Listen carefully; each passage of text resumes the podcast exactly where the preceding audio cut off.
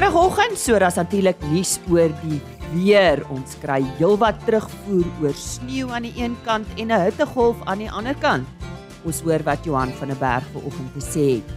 Soos beloof, nuus oor vanjaar se Nampo Kaap wat verlede week daar op Bredasdorp plaasgevind het. Ons kry terugvoer van Henk Agembag, hy was voorsitter van die reëlingskomitee en dan het ons ook daar met Dr Pieter Taljaard van Graan SA gesels oor insetkoste verhoging, beerdkrag, maar soos hy sê, daar's altyd lig aan die einde van die tonnel.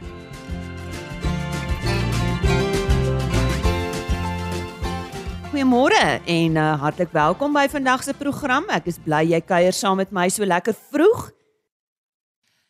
Johan van der Berg, soos beloof, op sy pos vanoggend weer met ons uh, weersake. Uh, sê nou eers vir ons, hoe lyk dinge tans? Wat se terugvoer het jy gekry? Ons het uiteenlopende terugvoer van regtig baie koue toestande tot hier by ons baie warm en winderige toestande. Wat se nuus het jy? Goeiemôre. Ja, Wees dit maar onthou hierdie tyd van die jaar is is wanneer die vier seisoene in 'n week of amper 'n dag kan voorkom. So ons sien baie koue toestande wat veral hier oor die oostelike, suidoostelike dele van die land voorgekom het. Uh berigte van sneeu, maar daarmee saam met ook goeie reën voorgekom oor die andersins baie droë Oos-Kaap. En ek het hier syfers dat uh Keberga het hier by die 35 mm gehad. Dit is nou Port Elizabeth uh Elliot 47 uh Craddock 30 Queenstown 20 Barkley Oos amper 30 en dan net die suide van van uh, KwaZulu-Natal uh het ook redelik goed reën gehad. Port Edward so 30 uh Kokstad ook omtrent 30 uh en dit is waar die meeste reën voorgekom het. Daar was 'n bietjie reën. Uh Bloemfontein het byvoorbeeld 12 mm gehad en hier in Suid-Vrystaat so ligte reën. En dan ook uh, oor in Mpumalanga het ook plek plek uh, reën voorgekom. Maar daarmee saam baie stormagtige toestande natuurlik. Ag uh, op Maandag was daar windsnelle snelhede van seker 60 70 km per uur en dit nie sterker wat konstant vir 'n paar ure gewaai het. Uh so daar is maar skades wat voorgekom het as gevolg van dit ook. Hmm, en brande is nie goed vir ons brand vooruitsigte nie dit is ongelukkig met hierdie windsnelhede uh kan 'n mens amper nie die wind keer ag die brande keer soos wat dit nou is nie. Maar dit lyk ten minste of uh hier dit begin na die somer situasie toe gaan wat die reën betref. Minder reën oor die oor die winterreënvalgebied. Die frontale stelsels wat oorkom jaag daaroor net ligte reën en dit lyk hierso rondom uh die 25 26 uh 27 September en dan 30 September is al weer bietjie ligter hier. Maar as 'n mens oor die oos en suidooskusgebiede, so ons praat hier van eintlik van die Oos-Kaapse kusgebiede, dan lyk dit of 'n plek uh, soos Keberga uh hier in die orde van tot 50 mm voor die einde uh van September kan kry en bietjie verder noord Port Edward lyk my kan amper hier by 100 mm kry. So dit lyk eintlik baie positief uh vir hierdie suidoostelike gedeeltes. Uh die somer uh meer die somerreënvalgebiede verder binneland in uh kan meer gelig meer gereelde ligte reën hier uh in veral Oktober begin kry, maar van November af lyk dit asof daar redelike swaar reën gaan voorkom. Eers oor die oostelike produksiegebiede so Mpumalanga, Oos-Vrystaat, die dele en dan behoort dit later uit te brei weswaarts tot. Daar sê en so sê Johan van der Berg en volgende week gesels ons weer met hom. Nampo Kaap het vanaf 14 tot 17 September, dis nou verlede week daar op Bredasdorp plaasgevind. Die geleentheid kan as 'n reuse sukses beskryf word as mens net na die hoeveelheid besoekers wat die skou besoek het kyk. Besoekersgetalle het al die verwagtinge oortref en is op van 22000 in 2019 toe die skou die laaste keer voor COVID-19 gehou is tot sowat 32000 vanjaar. Die uitstallers grimlag ook breed oor die hoeveelheid besigheid wat gedurende die geleentheid plaasgevind het, wat 'n aanduiding is dat die regte besoekers daar was.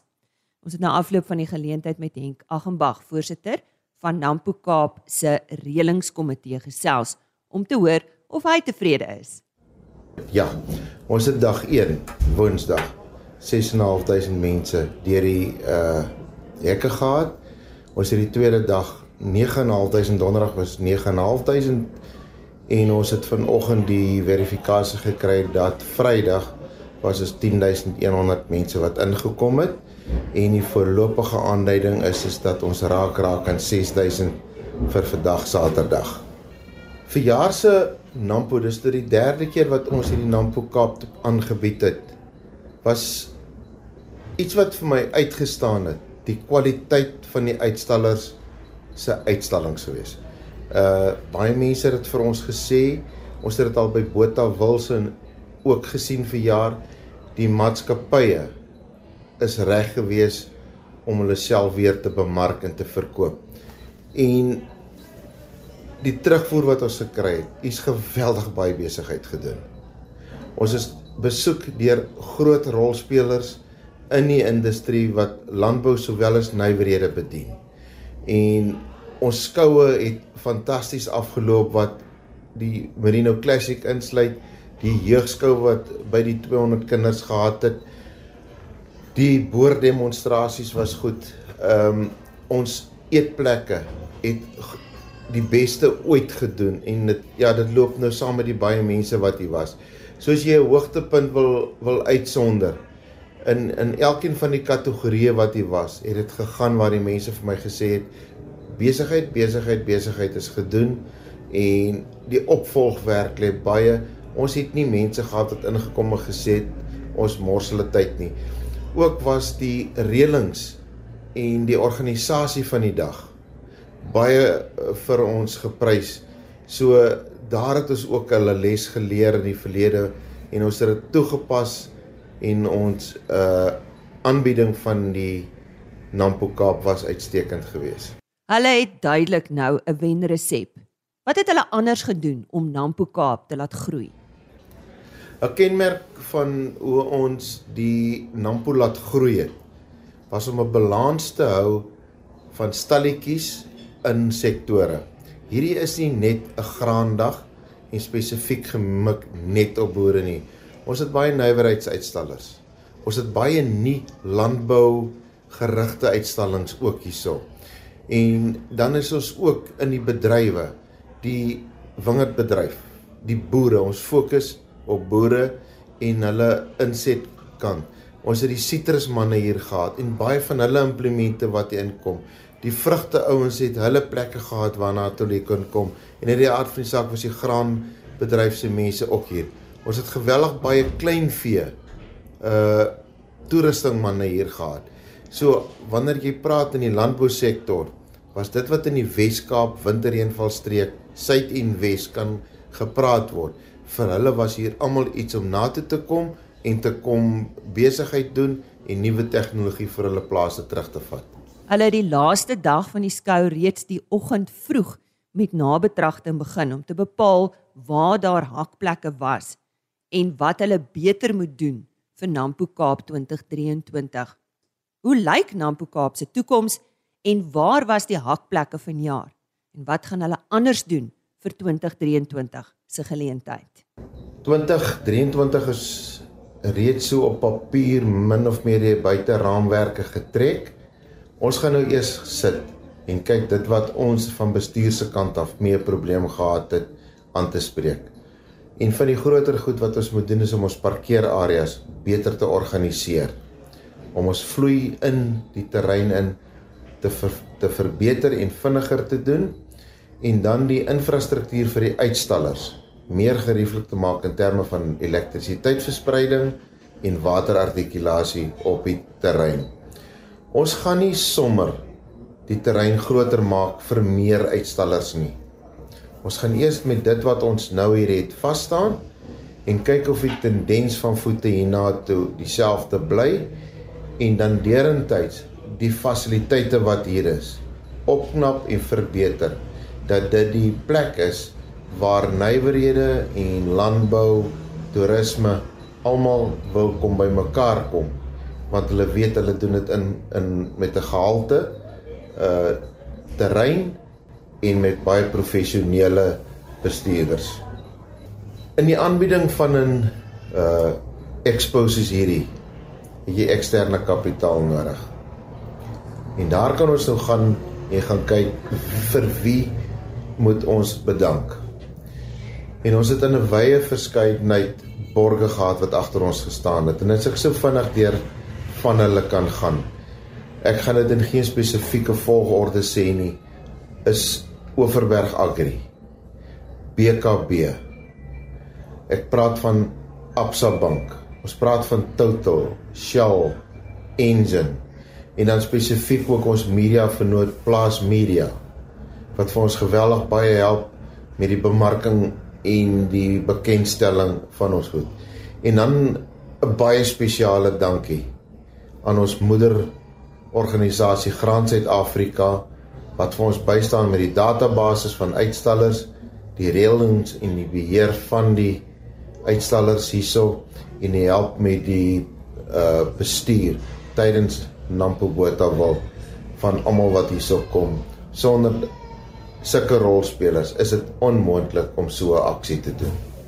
En so sê die voorsitter van Nampo Kaap se reëlingskomitee, Henk Agembag, en hy het ver oggend gesels oor Nampo Kaap 2022 daar op Bredasdorp en dit het verlede week plaasgevind van 14 tot 17 September. As jy nou eers ingeskakel het, goeiemôre. Jy luister na RSG Landbou Baie welkom.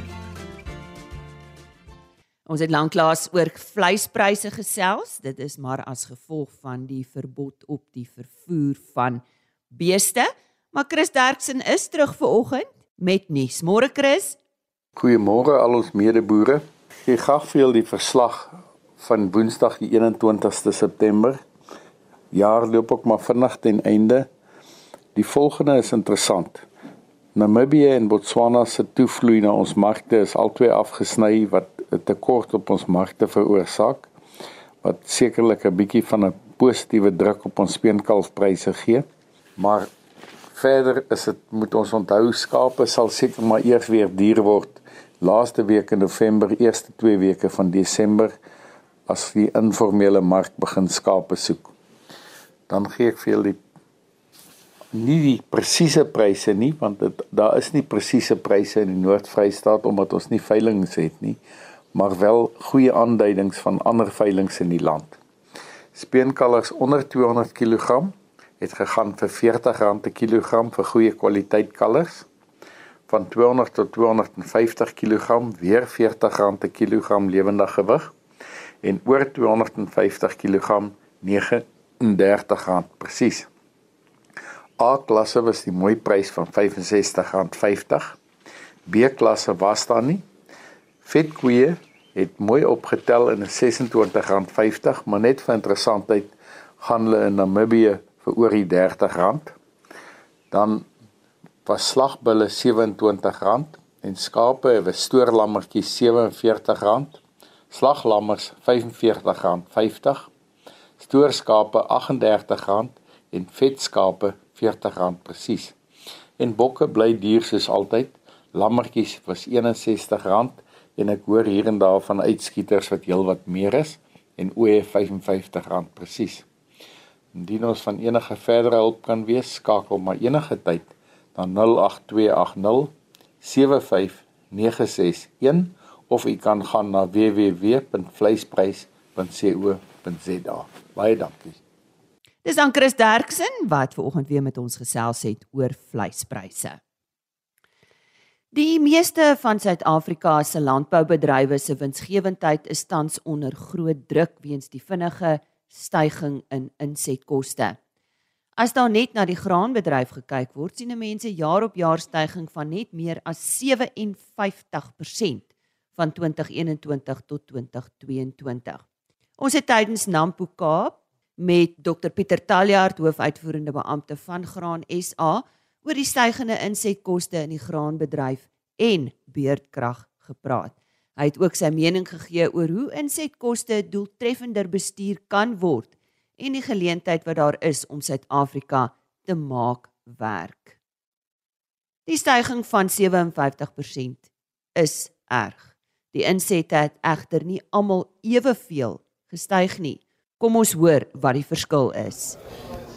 Ja, so die 57% wat wat landbou-insette vir vir graanboere die laaste tyd gestyg het, is is maar 'n kombinasie. So die grootste een daar as ons met hom kan begin is kunsmis. Gemiddeld het kunsmis met so 113% opgegaan. So dis meer as verdubbel. En as ons hom uitpak, die drie groot bronne van van voedingsbronne is mos nou maar stikstof amper 120%, fosfaat het so 83% gestyg en dan die dier een gewoonlik en die en die een wat die moeilikheid maak is kalium, as 162% is die pakkie van kunsmis. So daar is nou mikroelemente, hulle is met 'n met 'n met 'n verskeidenheid van pryse op, maar dis hoe die 113 van kunsmis opgemaak het. daarmee saam ons ander groot uitdaging wat ons almal weet, almal as verbruikers voel is is brandstof.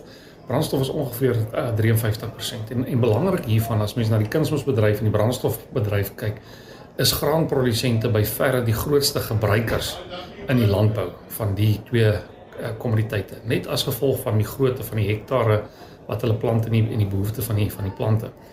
Dan gewasbeskermingsprodukte, landbouchemikalieë 20% op gedurende die laaste jaar. Herstelwerk en ander dinge soos elektrisiteit, weet ons elektrisiteit 7.5% en herstelwerk ook so gemiddeld met inflasie opgegaan. En dan die ander drywer veral in die klein grane in die winter uh, reënvalgebied is saad het ongeveer met 14% opgegaan en in wintersaai gebiede die vorige seisoen het ons saad gesien styg met 'n uh, met 'n 3%. So hy was so 'n bietjie onder die uh, inflasieperk gewees. Elektrisiteit het met 7,5% gestyg wat nie so erg is as die ander nie.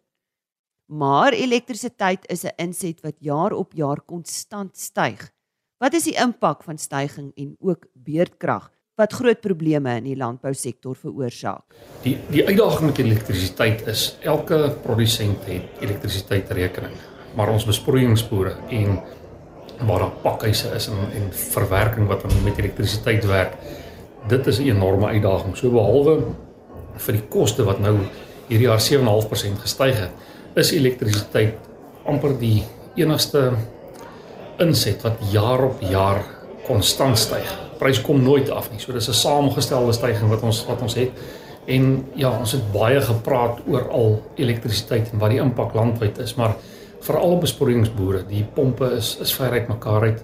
Ehm um, elke keer met beurtkrag moet die hele stelsel weer aan die gang gesit word. Dit is nie 'n kwessie van jy kan al die pompe gelyk start nie. Dit moet baie keer in 'n in 'n reeks ehm um, 'n volgorde gestart word vir veral vir jou groter boere. Maar die maar die uitdaging wat nou kom met hierdie herhaalde kragonderbrekings, jy weet daai groot pompe wil nie noodwendig heeltyd aan en afgesit word nie. Is die onderhoudskoste. Ehm um, die skade wat die ouens kry op hulle pompe en die en die skakelaarstelsels en dit is net ongelooflik. Onlangs het het 'n groot produsent vir my gesê hy het nou 'n permanente elektriesien wat wat op sy plaas werk. Hy hy's nie in diens nie, maar hy's omtrent permanent daar net met skades wat hy het om om motors te herstel en skakelaars te herstel en dinge wat wat brand en breek te te doen. So die die impak hiervan is is ongelooflik. En nou kyk ons nog nie na die skade op die gewas nie.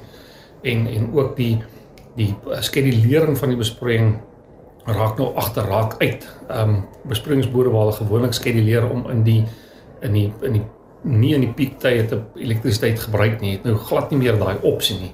So die die impak hiervan nasionaal en en ons groot bekommernis is wat is die effek wat vorentoe gaan. Wat gebeur met die finale verbruikersprys van vloeisel? Dit is net 'n enorme impak ons energie wat die effek is op finale voedselinflasie. En dit raak ons almal as verbruikers.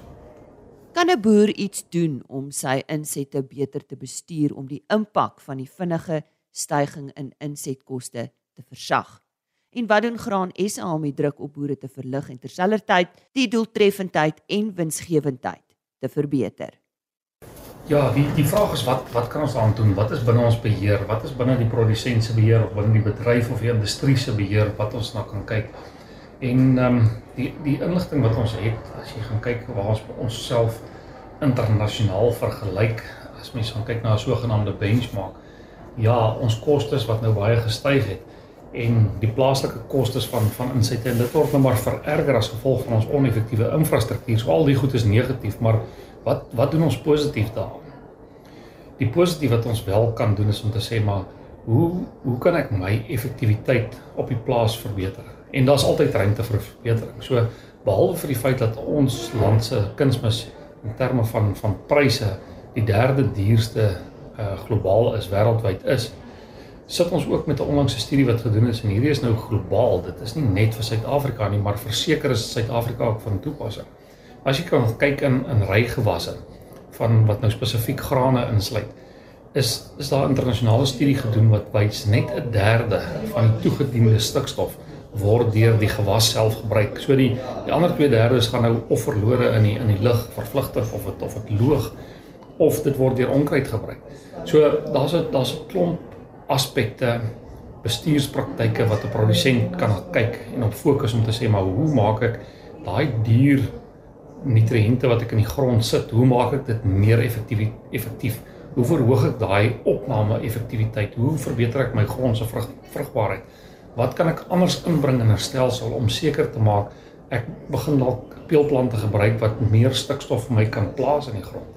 Daar's voorbeelde byvoorbeeld in die in die Wes-Kaap waar swartlandse boere nou al vir my gesê het 'n gewas soos Medix produseer vir hom amper 150 kg en per jaar gedurende daai seisoen. So in 'n mate het hy 'n gewas wat hy benut deur sy vee wat vir hom wisselbou gee, gee vir hom 'n geleentheid om onkruid te beheer, maar ook uiteindelik 'n kunsmisfabriek daar op sy plaas. En dis die voorbeeld wat ons doen. So van van 'n bedryfsoogpunt af is ons um, gefokus ons het die nasionale graan navorsingsprogram of die NGRP waar ons as Graan SA spesifiek fokus en die bedryf help gekoppel aan verskillende regeringsorganisasies wat navorsing befonds. LNR probeer ons op 'n sterk basis ook betrokke kry en seker maak ons gebruik hulle hulle hulpbronne wat hulle tot hulle beskikking het, maar ook tussen die verskeie privaat en ehm um, uh, regeringsinstellings, die navorsingsinstellings probeer ons die navorsing koördineer.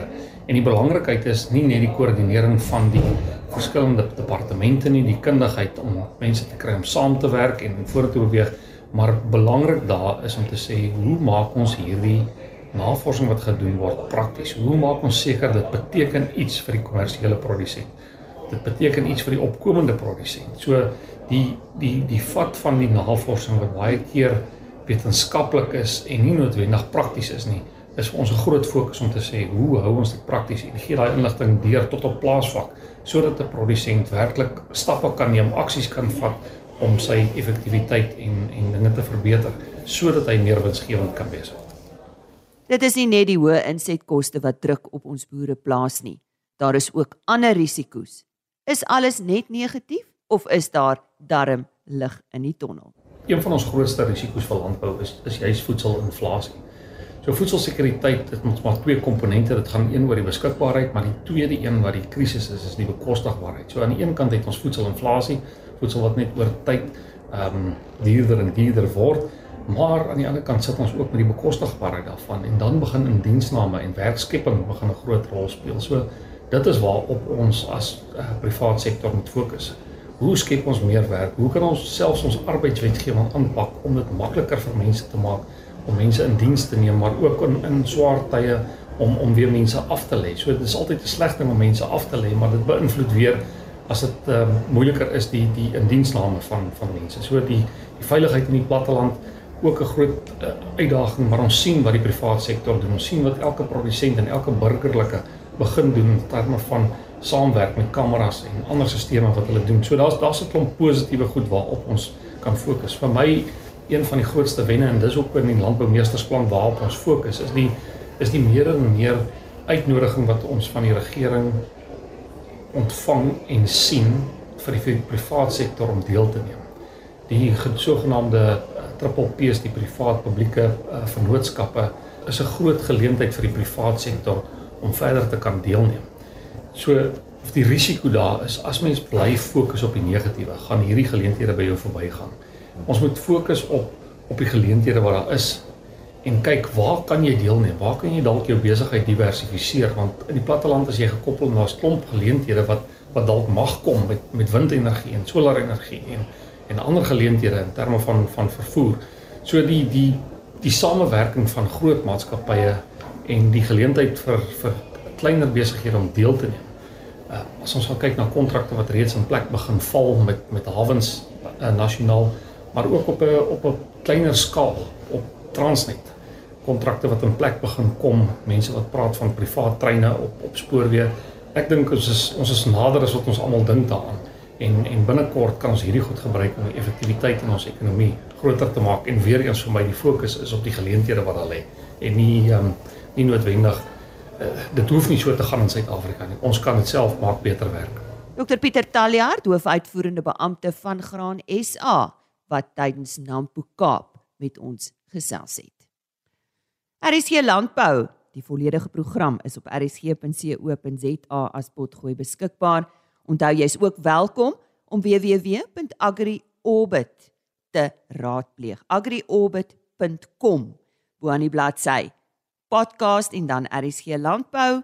Die verskeie onderhoude word daar afsonderlik gelaai en uh, indien jy graag met my wil gesels, stuur gerus 'n e-pos rsglandbou@plaasmedia.co.za. Dankie vir jou tyd hierdie week en uh, ek wens jou 'n goeie naweek toe. Skakel gerus maandagooggend om 5uur weer in vir nog 'n aflewering van RSG Landbou van my kant af. Totsiens. RSG Landbou is 'n plaas media produksie met regisseur en aanbieder Lize Roberts en tegniese ondersteuning deur Jolande Rooi.